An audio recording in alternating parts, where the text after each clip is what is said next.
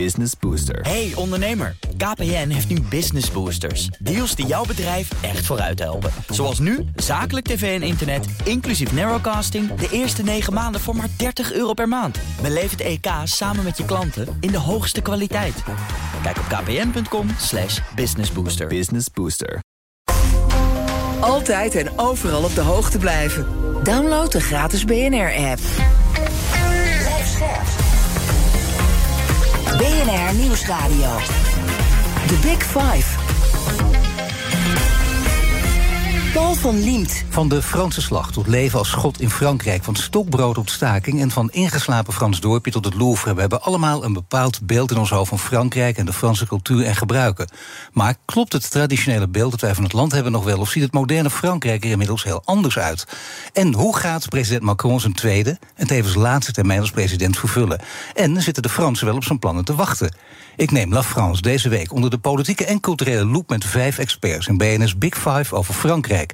En vandaag is bij me journalist Marc Chavan. Hij schrijft analyses over politiek voor de correspondent. En daarvoor werkte hij jarenlang van 73 tot 2015 bij NRC Handelsblad, heette toen nog. In alle mogelijke functies, van politiek redacteur tot correspondent in Londen, Parijs, Washington. Hij was ook adjunct en plaatsvervangend hoofdredacteur. En in 2021 kreeg hij voor de tweede keer de Anne Vondelingprijs. Met daarbij de omschrijving voor zijn heldere politieke journalistieke analyses. Welkom. Goedemorgen. Nou, dat is inderdaad een mooi begin, toch, zou ik zeggen. Dat, uh, je praat is niet de eerste, de beste die we hier aan tafel hebben. Ik bloos voor de radio. Ja, ja, geweldig ook. Hè. Dat is een hele erg van dit soort complimenten altijd. Maar nu uh, moet eens even gemaakt worden... omdat mensen even duidelijk mogen weten wat er aan de hand is. En het is gewoon uh, geen, geen woord aan gelogen, volgens mij. Niet dat ik weet. ja, dan één ding. Even terug naar het verleden. Je werd ooit ook de beste hoofdredacteur die NRC nooit gehad heeft genoemd. Maar heb je die positie ooit geambieerd? Of zeg je nou, dat wilde ik eigenlijk ook helemaal niet zijn?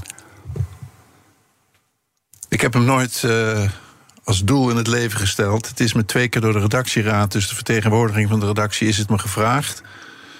En die hebben me ervan overtuigd om te solliciteren. Maar de powers that were hadden andere ideeën. Dus het is er nooit van gekomen en ik heb het een hele opluchting gevonden. En waarom? Ja, ik heb het leukste journalistieke leven gehad dat ik me kan indenken. Ik heb in Nederland bijna alles gedaan wat ik wil. En ik heb in drie prachtige landen gewoond en gewerkt. En voel me in die drie landen volkomen thuis. En volg die landen nog steeds, omdat ze in mijn bloedsomloop zijn gaan zitten. Ja, wat ik wel een heel aantrekkelijk perspectief ook vind. Uh, het maakt niet uit hoe oud je bent. Uh, je bent niet heel oud, maar je gaat gewoon door. Niks met pensioen, gewoon lekker door kunnen gaan in de journalistiek. En dat kan ook. En dat, dat, is, dat is het meest aantrekkelijke perspectief. Ja, ik, als je het altijd gedaan hebt uit een soort uh, roeping, omdat je het het mooiste vond wat je kon doen, dan is er, is er niet een logisch moment op stoppen tenzij je tanden beginnen uit te vallen. Ja. Of, of er niemand meer is die je spulletjes wil hebben. Maar de correspondent vroeg me om te komen als een soort uh, nestor. En uh, dat vond ik leuk. Ik heb een hoop van ze opgestoken en dat doe ik nog steeds. Goed, dan heb ik nog één vraag voor je voordat we uitgebreid over Frankrijk gaan praten. In welke fase is Europa's uh, grootmacht Frankrijk op dit moment beland? Ja, het interessante is dat Frankrijk in een fase is die nogal lijkt op die van Nederland. Namelijk, ondanks alles wakker worden uit de droom van een soort sterk land, sterk Europa. En beseffen dat Europa tussen Amerika en China en Rusland heel veel moeite heeft om een eigen positie te veroveren. En dat is voor Frankrijk extra moeilijk, omdat Frankrijk altijd de droom heeft van La France éternelle, het eeuwige grote onafhankelijke zonnekoninkrijk. Ja. En met, met harde dreunen wordt Frankrijk nu ingepeperd dat dat niet aan de orde is en dat het minder en minder wordt en dat ze meer en meer moeten samenwerken. En dat bepleit Macron dus wel. Maar in het hart en in de geest van de Fransen is dat nog een moeizame omwenteling. En in het hart en de geest van Macron zelf? Ik denk ook. Hij is aan de ene kant intellectueel knap genoeg om het in te zien, maar ik denk dat hij toch de, de trots van de Franse elite heeft belichaamd tot nu toe door uh, te handelen alsof hij generaal de Gaulle 3.0 is. Ja, nee, dat is inderdaad. Uh, dat, uh, zo heb ik hem nog nooit horen omschrijven. Maar dat komt denk ik heel dicht in de buurt. Alleen hij ziet het inderdaad wel intellectueel. Maar de vraag is dan. Kun je dat ook op een andere manier overdragen? Hij had maandag, die toespraak hield hij voor de Franse tv. Hij wilde een verzoenende toon aanslaan. Dat was de opdracht van tevoren. Is, dat, is hem dat gelukt? nee. Gisteren liep hij in de Elzas rond. Wat ik moedig van hem vond. Hij ging echt op straat. Pressing the flash. hij werd uitgejouwd en uh, er was geen woord uh, liefde tussen het publiek en hem. Hij probeerde uit te leggen dat er niet op straat beslist wordt, maar in het parlement. Maar dat is ook een moeilijk geval, want die wet over de pensioenen is juist langs het parlement gegaan door een bijzondere procedure. Dus democratisch heeft hij een ingewikkeld verhaal en het is voorlopig nog niet gelukt om het aan de man te brengen. Uh, in die marketingboeken heet het dan, hij heeft wel gelijk. Uh, maar ja, gelijk hebben en gelijk krijgen, dat is een heel groot verschil. Nou ja, er zijn allerlei Fransen, van links tot rechts, van intellectueel tot uh, praktisch gescholden, die zeggen: hij heeft niet aangevoeld hoe belangrijk dit voor Frankrijk is. En ja, wij hebben in Nederland natuurlijk ervaring met leiders die niet voorgaan. Hier heb je een leider die wel voorgaat en zegt: Ik weet hoe pijn het doet en ik weet hoe moeilijk het is.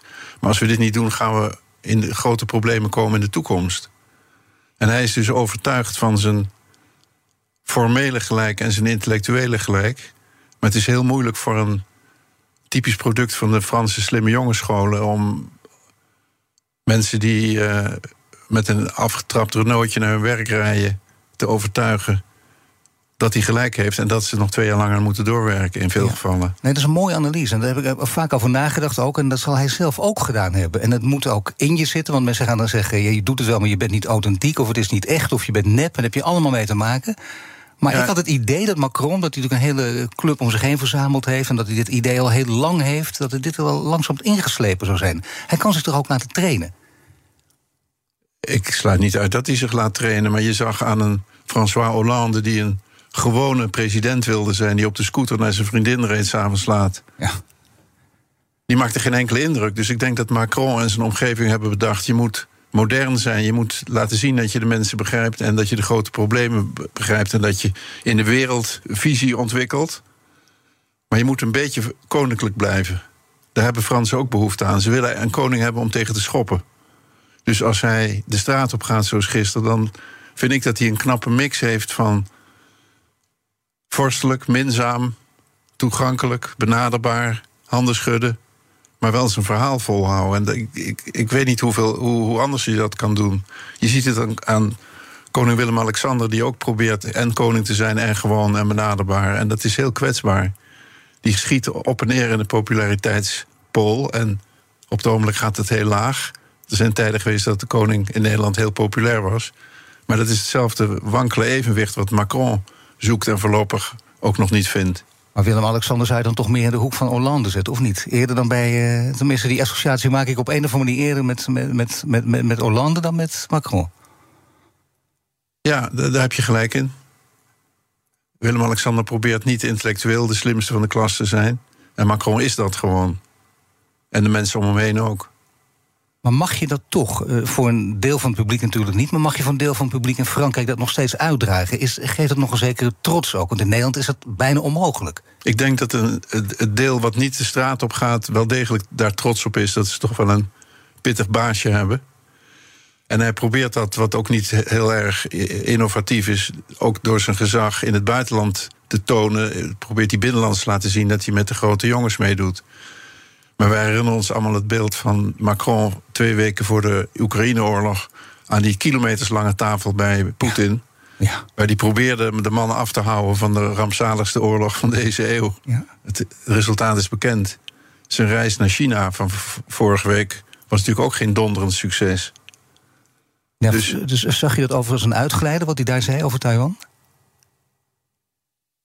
Ik begreep het. het, ik, ik, noemde er net generaal de Gaulle, die na de rampzalige prestaties van Frankrijk in de Tweede Wereldoorlog kans zag, nadat Frankrijk gered was door de Amerikanen terug te komen en te zeggen: Nous la France. Alsof we het zelf gedaan hadden. En daarna een paar jaar later uit de NAVO te stappen. Van we willen een onafhankelijke koers varen. Hetzelfde instinct volgt Macron door te zeggen: we moeten niet een suiviste zijn, we moeten niet slaafse volgelingen van Amerika zijn. En we moeten ook China serieus nemen en we moeten Rusland serieus nemen. We moeten een eigen koers varen. En de woede die dat opleverde, heeft hem geleerd dat Frankrijk niet meer in de positie is om zo'n trotse, onafhankelijke koers uit te dragen. Want wie redt Europa in de Oekraïne-oorlog? Dat is alleen maar Amerika. The Big Five. Paul van Liemt. Mijn gast is Mark Chavan, hij is politiek journalist voor de correspondent. Ja, miljoenen Fransen dus de straat op in alle steden.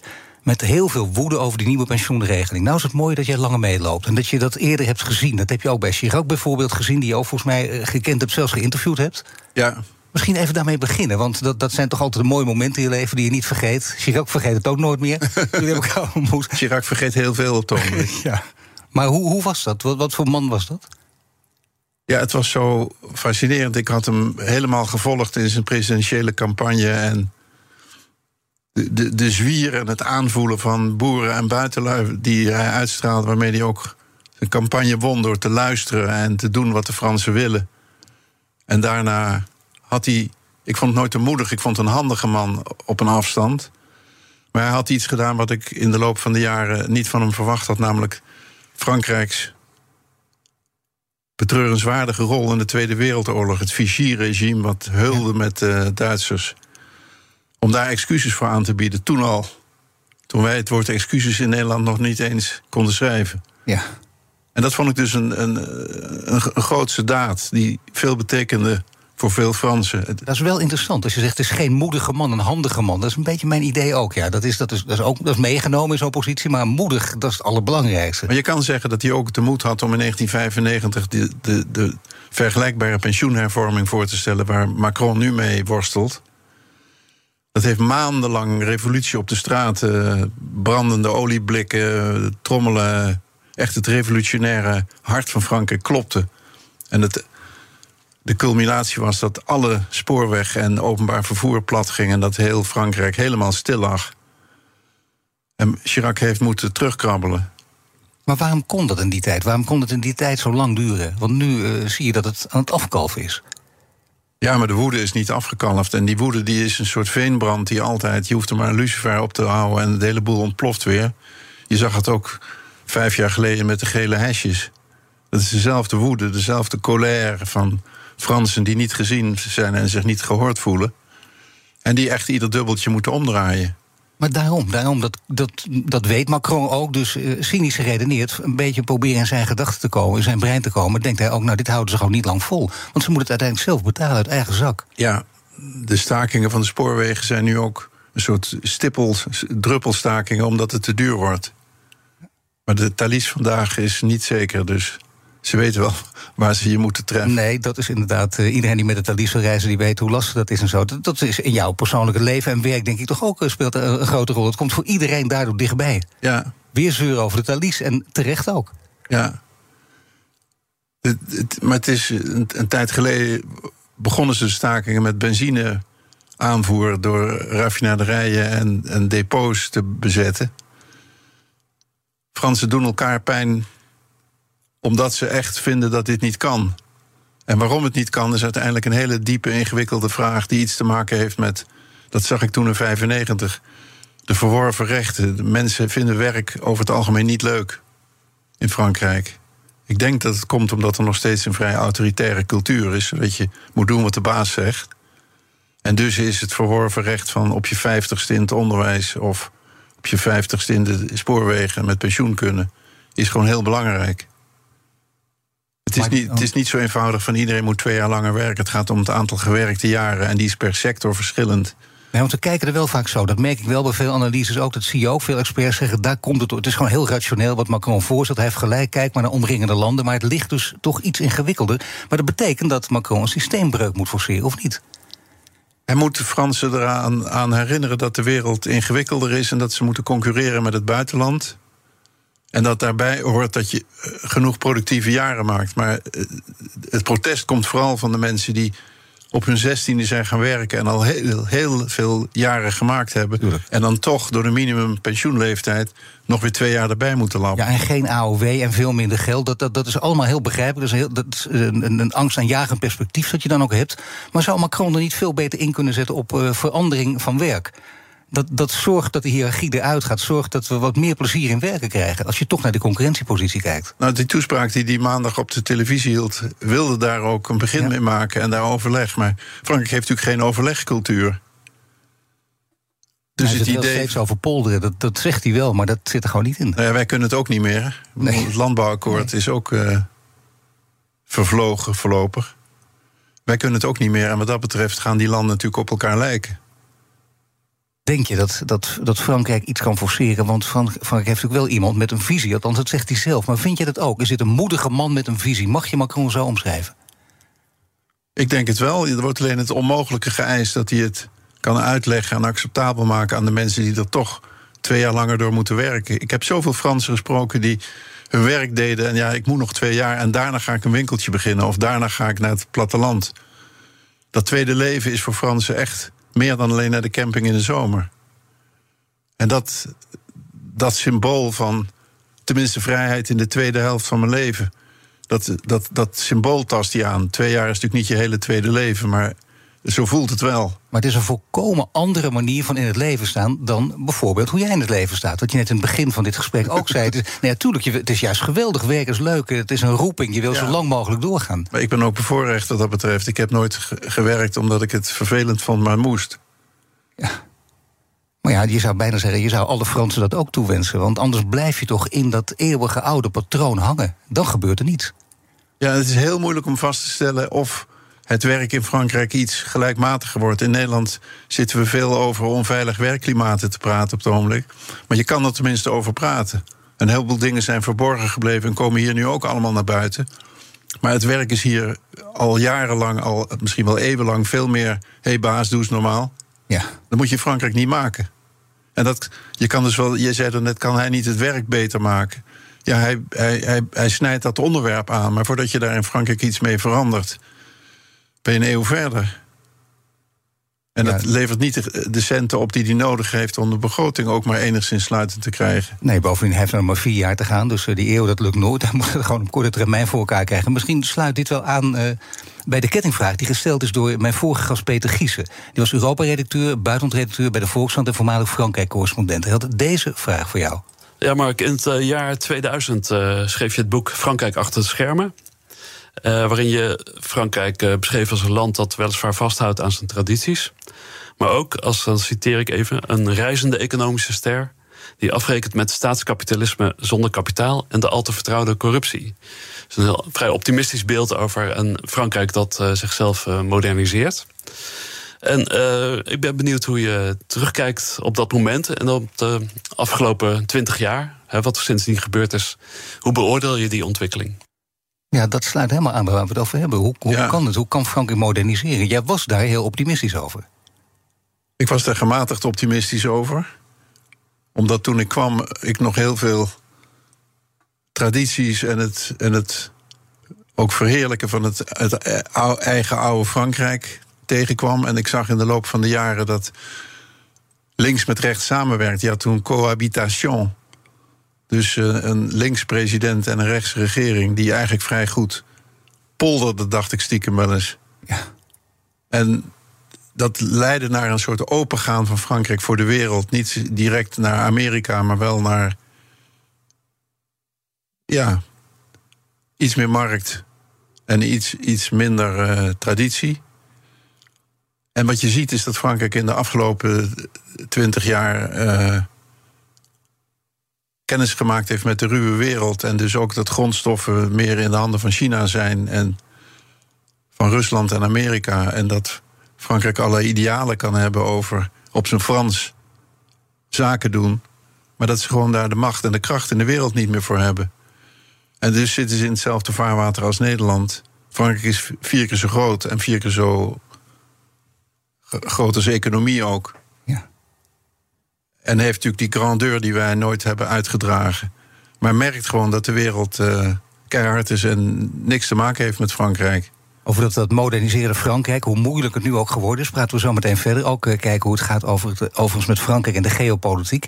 Morgen is chef-kok Alain Caron te gast. Abonneer je op onze podcast via je favoriete podcastkanaal om geen aflevering te missen. En straks dus verder met de politiekjournalist Mark van Natuurlijk ook dus over geopolitiek. Blijf luisteren. Business Booster. Hey ondernemer, KPN heeft nu Business Boosters. Deals die jouw bedrijf echt vooruit helpen. Zoals nu, zakelijk tv en internet, inclusief narrowcasting... de eerste negen maanden voor maar 30 euro per maand. Beleef het EK samen met je klanten in de hoogste kwaliteit. Kijk op kpn.com slash businessbooster. Business Booster. Een berichtje van Odido Business. Hoe groot je bedrijf ook is of wordt, bij Odido Business zijn we er voor je. Met unlimited data en bellen en met supersnel en stabiel zakelijk internet. Ook via glasvezel. Ontdek wat er allemaal kan op odido.nl/slash business. Het kan ook zo.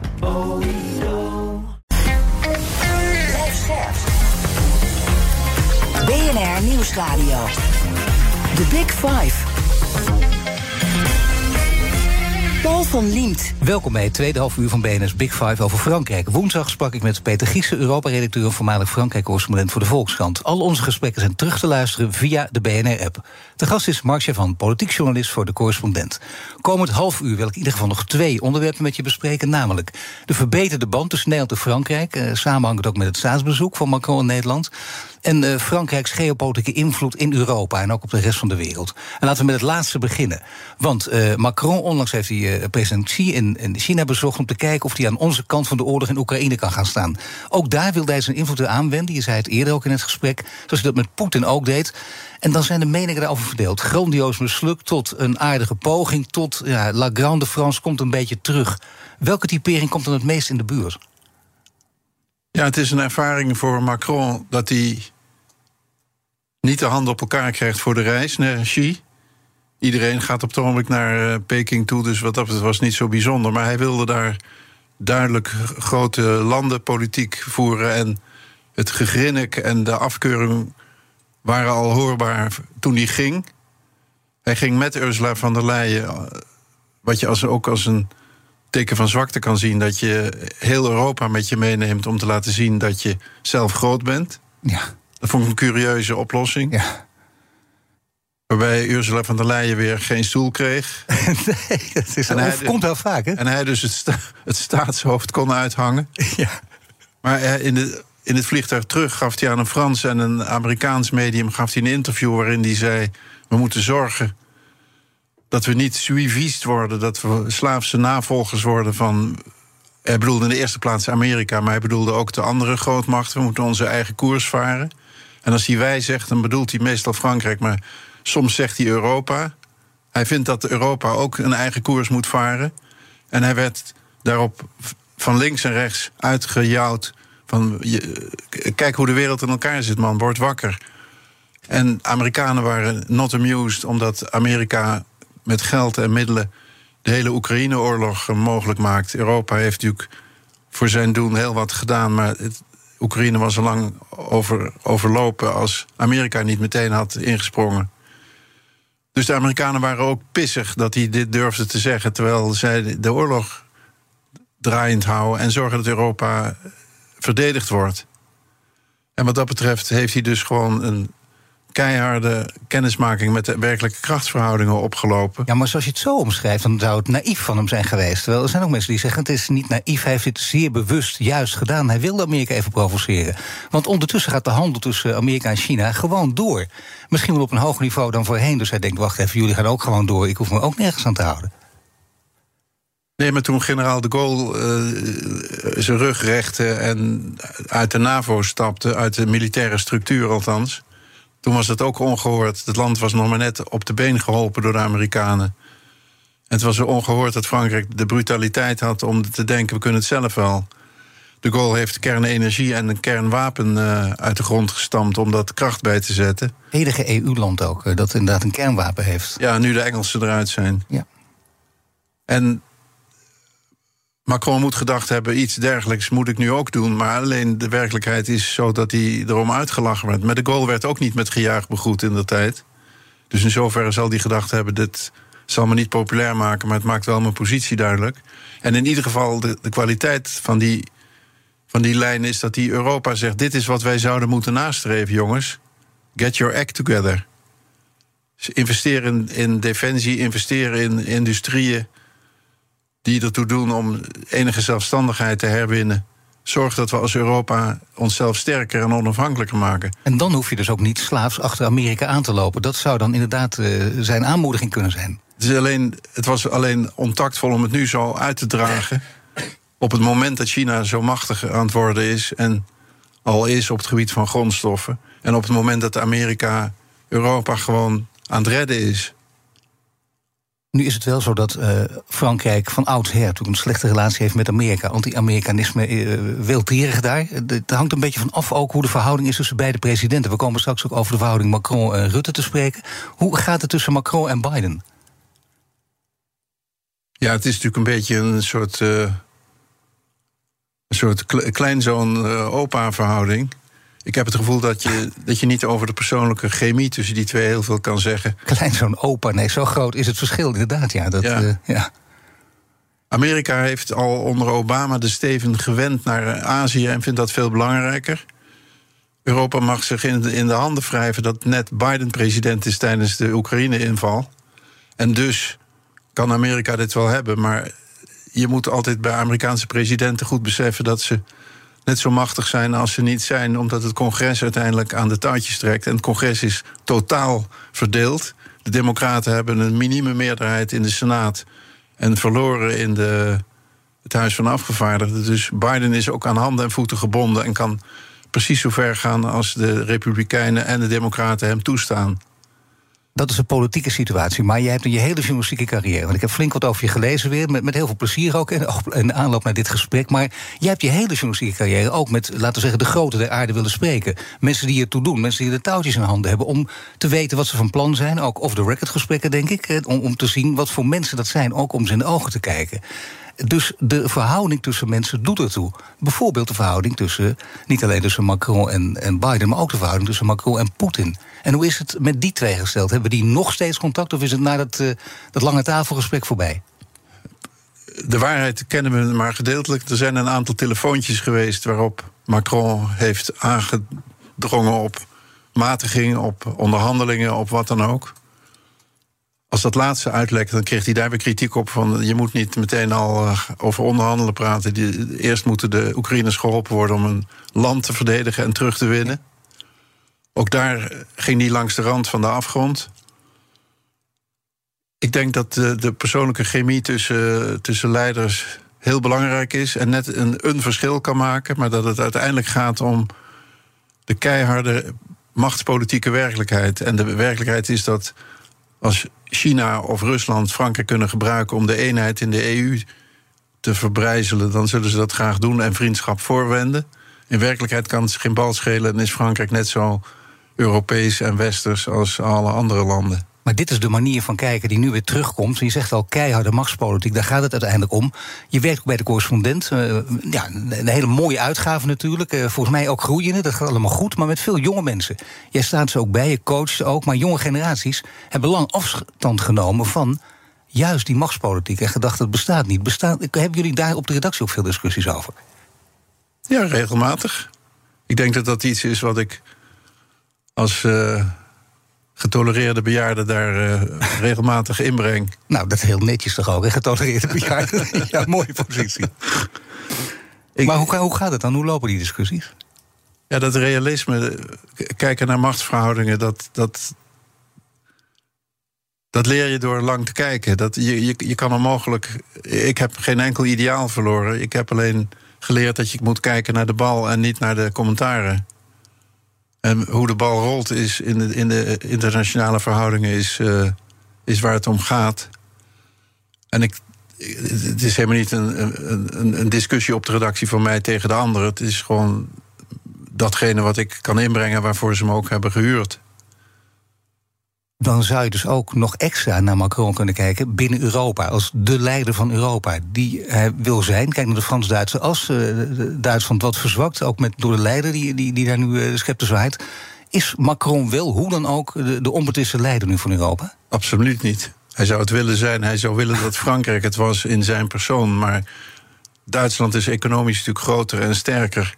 En Italië en Spanje hebben vaak een beetje met de Fransen gehuld als het ging om centraal geleide subsidiefondsen in corona en andere tijden van bankcrisis en financiële nood. En het noorden was daar altijd tegen en Nederland met de, met de Britten. En nu zonder de Britten. Met Duitsland en de Scandinaviërs, Oostenrijk.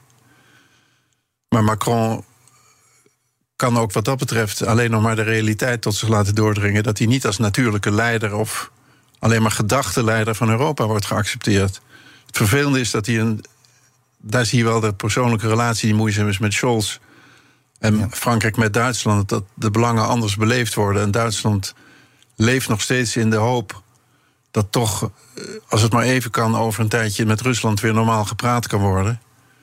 Er is een, een uh, periodewijziging, een, een wijziging van tijdperk aangekondigd door Scholz. Maar de coalitie heeft het daar heel moeilijk om die ook gestalte te geven. Wat dat betreft heel atypisch dat Duitsland de kernenergie nu helemaal afschaft. Ja. Wat na Fukushima logisch leek en nu helemaal niet logisch is. En dat daar de coalitieverhoudingen ook zo moeizaam zijn dat ze dus niet kunnen bijsturen op het moment dat het nog kan de afhankelijkheid neemt daar ook toe, terwijl juist Europa gebaat is. Althans, die term wordt voortdurend door, door iedereen gebruikt. Strategische autonomie, voor zover dat mogelijk is. Dat moet er altijd wel bij zijn. En gaat Duitsland dus meer bruinkool stoken? Ja, dat is de praktijk inderdaad. En Frankrijk heeft de pech dat ze hun enorme voorsprong op het gebied van kernenergie een beetje hebben laten versloffen. En achterstallig onderhoud hebben laten optreden, waardoor ze nu oh, energie moeten invoeren meer dan anders nodig was. Ja, dus dat betekent dat, dat beide afhankelijker zijn geworden. En dat dus de, de Frans-Duitsers als is afhankelijker geworden. Oftewel, de twee belangrijkste landen binnen Europa willen strategisch autonoom zijn, maar ze zijn eigenlijk eh, strategisch eh, meer gebonden geraakt. Nou, de, de, de wake-up call van, van de Oekraïne-oorlog heeft niet alleen Nederland gewekt, heeft ook deze grote twee van Europa laten zien dat ze behoorlijk geopolitiek naïef en lui zijn geweest. We hebben ons niet alleen militair laten pamperen door de Amerikanen. We hebben ook economisch onze onafhankelijkheid gewoon laten versloffen. Door korte termijn te denken van energie met Rusland en de rest van de handel met China. Zonder ook maar een moment na te denken over hoe afhankelijk je jezelf maakt. Daar krijgen we nu allemaal rekeningen voor gepresenteerd. Business Booster. Hey ondernemer, KPN heeft nu Business Boosters. Deals die jouw bedrijf echt vooruit helpen. Zoals nu, zakelijk tv en internet, inclusief narrowcasting... de eerste 9 maanden voor maar 30 euro per maand. Beleef het EK samen met je klanten in de hoogste kwaliteit. Kijk op kpn.com slash businessbooster. Business Booster. Een berichtje van Odido Business. Hoe groot je bedrijf ook is of wordt... bij Odido Business zijn we er voor je... Met unlimited data en bellen en met supersnel en stabiel zakelijk internet. Ook via glasvezel. Ontdek wat er allemaal kan op odido.nl slash business. Het kan ook zo. BNR Nieuwsradio. The Big Five. Paul van Liemt. Je luistert naar BNS Big Five over Frankrijk. Morgen praat ik met Alain Caron. Als chef-kok werkt hij bij verschillende toprestaurants in Parijs en Nederland. En hij heeft meerdere kookboeken geschreven, waaronder de Bijbel van de Franse keuken. Al onze gesprekken zijn terug te luisteren via bnr.nl en de bekende podcastkanalen. Mijn gast is Mark Chavan, politiek journalist voor De Correspondent. Ja, na 23 jaar, eindelijk dan, een Franse president bracht hij een staatsbezoek aan Nederland. Dat is heel vaak benadrukt, dat is echt een, een historisch moment bijna. Macron en zijn vrouw Brigitte, twee dagen in Amsterdam en Den Haag. Maar betekent het ook zoveel als de aankondiging belooft? Het is een mooi voorbeeld van, van je armoede je rijkdom maken. Ja. Franse presidenten komen gewoon niet zo vaak naar, naar Nederland toe of voor een officieel bezoek. Dat is kennelijk niet zo belangrijk. En dat ze het nu wel doen is een teken dat ze elkaar wat meer zien staan. Nederland ziet Frankrijk natuurlijk altijd al staan, maar voelde zich politiek, economisch meer tot de, de markt en de Atlantische verhoudingen aangetrokken. En was samen met Duitsland een beetje tegen Frankrijk. Nu Duitsland onduidelijk is in zijn houding en de Britten wat zich hebben teruggetrokken, is het logisch dat Nederland wat meer naar Frankrijk kijkt. En eh, Nederland is natuurlijk ook echt overstag gegaan in de zin van. Er moet een overheid zijn die ook programma's uh, start die economie de goede richting uitduwt van innovatie en, en transitie van energiebronnen. En daar denken de Fransen nou noodgedwongen hetzelfde over. En dat, dat geeft dus een band. Ze komen in elkaars vaarwater terecht. En dat kan je dan maar beter bezegelen met daden van vriendschap. En het lijkt dan echte vriendschap. Uh, voortdurend wordt het tot uh, bromance uh, gebruikt voor de heren Rutte en Macron. Of denk je dat het gewoon twee handige jongens zijn, allebei een beetje liberaal, die het gewoon wel op dat gebied met elkaar kunnen vinden, maar verder mijlenver uit elkaar liggen? Ik denk dat het functionele vriendschap is en dat ze leeftijdgenoten zijn en dat ze liberalen zijn. Dat helpt. Maar ze doen dit voor hun werk. En dat werk dat brengt de belangen van, van Frankrijk en Nederland gedeeltelijk in dezelfde richting. Want wat vind jij dan een groot verschil tussen beiden? Want ogenschijnlijk lijkt het dus een, een, echte vriendschap. Je ziet zo voortdurend ook op die, eh, die gestileerde foto's zitten in het uh, veelversmaarde La Rotonde. Mogen we eerst eens over La Rotonde beginnen? Want daar ben je er ook vaak geweest, of niet? Het was, niet, het was niet de buurt waar ik in het meeste zat. Ik zat meer op de rechteroever van de scène, maar ik weet waar het is. Ja, nou ja, je kent het ook. En dan denk je dat het is, het is, een, het is, het is geen grote blink-blink-tent, zoals het vaak door mensen die nooit geweest zijn wordt omschreven. Daar ging hij al heel lang naartoe en daar wordt hij nu om verketterd. En daar ging ook uh, de fik in, in de luifels. Ja. Hoe komt dat? Ja, Fransen die houden van hun, uh, hun region en ze houden van hun café. En dat café, dat is naar mijn waarneming betrekkelijk willekeurig. Maar het wordt je café doordat je er heel vaak naartoe gaat en er een soort mythe omheen weeft. En bij politici waar een, een, gebrek aan persoonlijk interessante details is, is er altijd behoefte. Zoals Soeboer voor uh, Rutte, het Indische restaurantje in Den Haag is. Dat geeft een beetje kleur en menselijkheid aan die biografieën die verder vrij leeg blijven uit een behoefte aan privacy. En zo'n rotonde is gewoon zo'n soort café op de hoek, wat er op een, op een kruispunt waar er heel veel van zijn. Maar het versterkt inderdaad het beeld van... kijk eens even, die twee kunnen het geweldig met elkaar vinden. Heel gezellig ook, leuke omgevingen, zitten met elkaar te dineren. Net zoals gewone mensen. Net als gewone mensen ook nog, het speelt allemaal mee. Maar ondertussen denk je dat ze ook bijvoorbeeld intellectueel gezien... heel ver uit elkaar verwijderd liggen? Rut is handig genoeg om een gesprek over een boek te kunnen voeren. Hij heeft er natuurlijk ook best een paar gelezen. En Macron heeft er ook geen tijd voor, dus wat dat zijn het beroepsgenoten. Maar Macron heeft die Franse eliteopleiding van al die grandes écoles afgelopen en overal de beste van de klas en de handigste van de klas. En dat uh, Rutte heeft wat dat betreft natuurlijk een bescheidenere opleiding. Met gewoon geschiedenis en Leiden, waar je niet uh, leert voor de, de, de, internationale politiek. Hij had er wel wat eerder geopolitiek kunnen leren. Want Rutte heeft in de afgelopen 10, 12 jaar natuurlijk gedaan alsof Nederland gewoon een bedrijf was wat gerund moest worden. Ja. En altijd die grote buitenlandse politieke verhoudingen onbesproken gelaten. En dat doet hij nog steeds, uit, denk ik, uit de overtuiging dat Nederlanders daar niet van gediend zijn. Maar het zou, naar mijn mening, wel goed zijn als hij er langzamerhand eens wat vaker over praten en met wat meer realisme het debat hier laat voeren. Maar wat zou er meer realisme inhouden? Sowieso af van het gezegde: Nederland is geen land, maar een onderneming. Wat, wat, wat hij heel lang heeft gekoesterd. Maar hoe zou die dan realistischer moeten worden?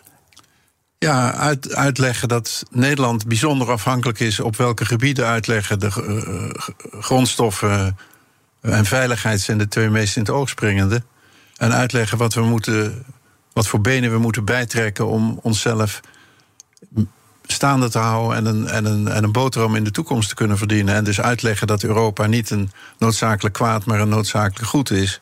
Ja, schiet mij opeens een uh, geleerd Frans woord binnen, een tournure. Maar die zou uh, Rutte dan eigenlijk moeten maken. Dus, en dat kan hij ook. Dat heeft hij al heel vaak bewezen. Van, van geen visie naar wel een visie. Want hier is het heel hard noodzakelijk, denk ik. Nou ja, ik denk dat hij nog steeds moeite heeft met helemaal de rol pakken. En, en het voorbeeld van Macron is natuurlijk ook een gemengd voorbeeld. Als je het doet, krijg je op je lazer. En ik weet niet of Rutte. Het, het, zou mooi zijn, aangezien iedereen denkt dat hij aan het. Zo, niet in zijn laatste ambtstermijn, toch in een van zijn laatste ambtstermijnen terecht is gekomen. Daar lijkt het nu wel op, ja. Zou het goed zijn als hij boven zichzelf uit kon groeien en zeggen: Ja, het is niet voor mijn lol, maar ik denk dat Nederlanders zich bewust moeten zijn van de volgende paar dingen. En wat dat betreft moeten we alle een tandje bijzetten. En dan een aantal verworven rechten omklappen naar investeringen in de toekomst. En dan is die duurzame relatie bestaat er nog, in tijd althans, tussen Macron en Rutte. Maar daarna, dat is niet gek ver weg meer. Dan uh, Macron voor vier jaar, de hele grote kans. Dat is nu zeker niet meer denkbeeldig, dat Le Pen hem opvolgt. Dan heb je Meloni in, uh, in Italië. In uh, Amerika kan natuurlijk ook een verschuiving plaatsvinden. Dan krijgen we opeens een hele andere wereld... die veel mensen niet voor, voor, voor zouden houden. Wat betekent dat, dat we ook die kant kunnen opgaan? Denk je dat dat een heel reëel scenario is... of moeten we dat wegrelativeren? Nee, het is een reëel scenario. Je, je, moet zorgen maken, niet voor de dag van morgen. Je hebt gezien dat Boris Johnson ook vervangen kon worden. Die ook in dit rijtje thuis hoort van populisten. Door een, door een partijgenoot die wat redelijker en wat uh, zakelijker is. Dus het kan ook weer goed gaan. En Meloni leert de lessen ook snel. Die heeft nu met de asielcrisis uh, wel wat symbolische daden gedaan. Maar ze houdt zich aan de Europese afspraken. En wat dat betreft uh, moet je niet alle zorgen op één grote stapel doen. Maar het is waar, als, als Biden wordt afgewisseld door eh, Trump, dan, eh, dan zal Europa heel snel aan de bak moeten qua veiligheid. Jazeker, en het maakt niet uit of het dan eh, Trump is, denk ik, of voor de centers, die natuurlijk ook zou kunnen worden, dat weet je niet, maar dat, dat blijft Dat, maakt, ongeveer. dat maakt niet uit. Dat maakt niet gek voor uit. Je ziet trouwens dat onder Biden, die dan onze vriend is en die we zo goed begrijpen, dat de economische oorlogvoering Ja. net zo America First is als onder Trump. Nee, zeker in Veldhoven weten ze alles van, eh, bij ASML bijvoorbeeld, ja. Ja. Mijn gasten die stellen elkaar vragen via de kettingvragen. Je mag een korte, bondige vraag stellen aan de volgende gast. En dat is chef-kok Alain Caron. Wat zou je aan hem willen vragen? Ik zou hem willen vragen of de tijd gaat aanbreken dat ik naar Parijs kan gaan en me welkom voelen als niet-vlees- en viseter in een restaurant. Geweldige vraag dit. Ja, ik val er helemaal van stil. Eh, is dat sinds kort, sinds je bij de correspondent werkt? Of was je in je NRC-tijd ook al eh, zo ingesteld? Ik heb in, in Parijs heb ik meegedaan met de voedseltradities, maar met mate. En toen ik van de gekke koeiencrisis in Frankrijk naar Amerika verhuisde, heb ik eh, gerealiseerd na een interview met eh, de, de schrijver van eh, Animal Liberation. Weet jij de naam? Normaal gesproken wel, maar nu even niet. Ah goed, Na de Animal uitzending zal ik hem hebben. Animal Liberation, te schrijven. De grote bioethicus Ja, die me in, ja. een, in een daglange interview overtuigde dat de vleesindustrie, Peter Singer. Piet Singer, ja, Ja. dat hij niet kon. En eh, ik ben van de een op de andere dag eh, opgehouden met vlees en vis eten. En als ik nu in Parijs kom, dan voel ik me zeer ver- ver- verweest, omdat je echt niet welkom bent. Hoogstens een gebakken ei kan lospeuteren. Nou, ik ben nog meer benieuwd eh, naar Alain Caron, wat hij hierover, hierover gaat zeggen. Hartelijk dank voor dit gesprek, Marcia van. Alle afleveringen van BNS Big Five zijn terug te luisteren. Abonneer je op onze podcast via onze app of je favoriete podcastkanaal... om geen aflevering te missen.